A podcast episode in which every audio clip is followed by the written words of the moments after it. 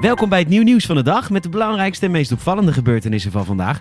Uiteraard met een knipoog. Met vandaag avondklok afgeschaft door rechter, grootste economische krimp sinds Tweede Wereldoorlog en Nederlanders kunnen nu ook bewezen niet schaatsen. Mijn naam is Peter Bouwman en dit is het nieuw nieuws van de dag, dinsdag 16 februari.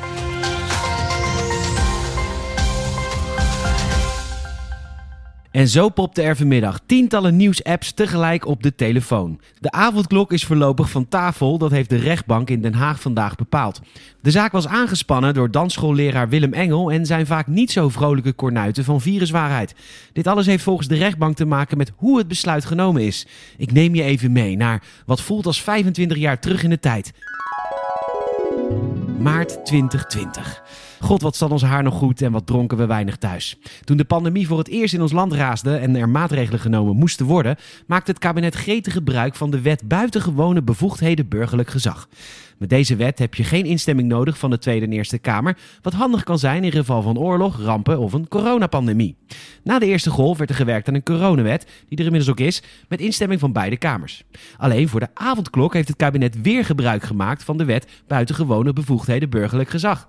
De rechter vindt de avondklok niet spoedeisend genoeg om deze wet te gebruiken en dus is hij vandaag van tafel gegaan. De oplossing is een wet maken waarmee beide kamers instemmen, maar het kabinet slaat sowieso een modderfiguur. Het hoger beroep, wat de staat aanspannen, is op dit moment alweer geschorst, want viruswaarheid heeft de rechters gevraagd. Ze willen nieuwe rechters vanwege het feit dat er geen journalisten in de zaal mogen zijn en omdat ze niet tijd genoeg zouden hebben om zich voor te bereiden op de zaak. Of het hoger beroep vandaag nog verder behandeld wordt is niet bekend. En tot het zover is mag je vanavond gewoon naar buiten. Maar hou wel de regels in acht natuurlijk. Het is tijd voor het nieuw nieuwsgetal van de dag. Je krijgt nu een getal en aan het einde van de podcast de context. Het nieuw nieuwsgetal van de dag is 600.000.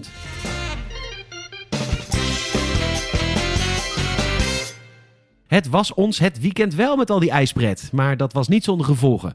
De Nederlandse Vereniging voor Traumachirurgie, traumachirurgie, traumachirurgie. Ja, is een moeilijk woord. De Nederlandse Vereniging voor Traumachirurgie, NVT, maakte vandaag bekend dat er tussen vrijdag en maandag zeker 40.000 mensen binnenkwamen op de spoedeisende hulp van een ziekenhuis. De meest voorkomende blessures waren gebroken polsen, heupen en schouders. De overgrote meerderheid moest alleen in het gips, toch moesten er meer dan duizend mensen met spoed worden geopereerd. De zorg had druk met klunzige schaatsers. Ziekenhuizen voerden gemiddeld 20 spoedoperaties per dag uit en normaal zijn het er slechts 4 of 5. Volgens NVT worden er komende weken nog 30 tot 40 botbreukoperaties verwacht per ziekenhuis. En dat allemaal in coronatijd.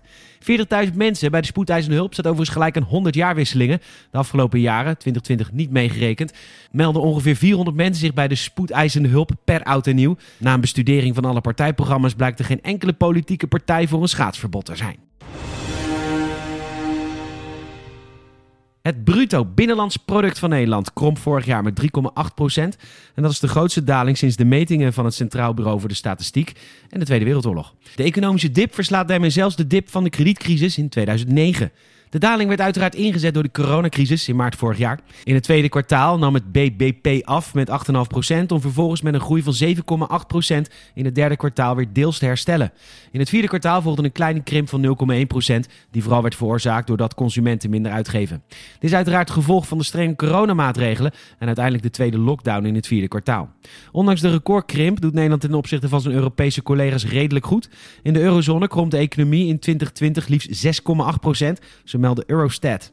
Dat Nederland relatief goed uit de verf komt, is mogelijk het gevolg van het stevige ingrijpen van de overheid. Afgelopen jaar deelde de regering ruim 20 miljard euro aan coronasteun uit aan bedrijven, zodat er minder bedrijven failliet gingen en er minder mensen hun baan verloren. Wil je even een momentje ultiem relaxen? En dat is in deze tijd geen overbodige luxe. Slinger dan een playlist vol popmuziek uit de jaren 80 aan.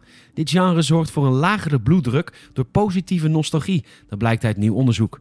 Wetenschappers uit Turkije onderzochten 1540 mensen tussen de 18 en 64. Ze kregen verschillende muziek te horen, terwijl de bloeddruk van de participanten werd gemeten. Bij bands als Pet Shop Boys en Duran Duran en Wham ging de bloeddruk lekker stukje naar beneden. Kylie Minogue, Rihanna en Black Sabbath deden het ook niet slecht tijdens het onderzoek. Techno, dubstep en rock anthems uit de jaren 70 daarentegen zijn een stuk minder goed voor je bloeddruk.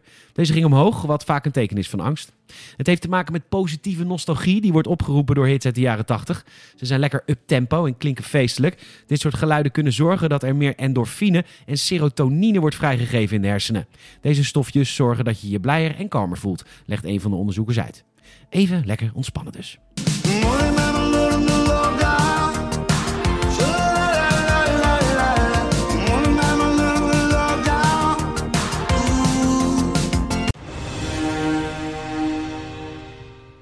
Ja, gisteren maakten we er al een, uh, grapje over. Dat het testduel tussen NEC en de Graafschap...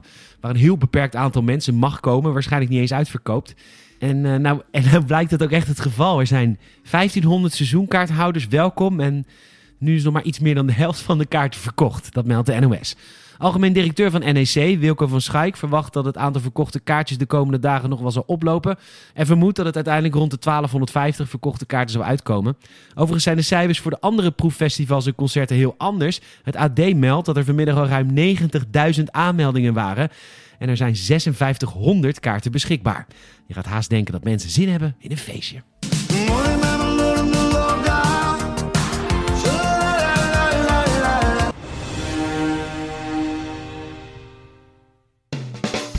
Het nieuw nieuwsgetal van de dag is 600.000.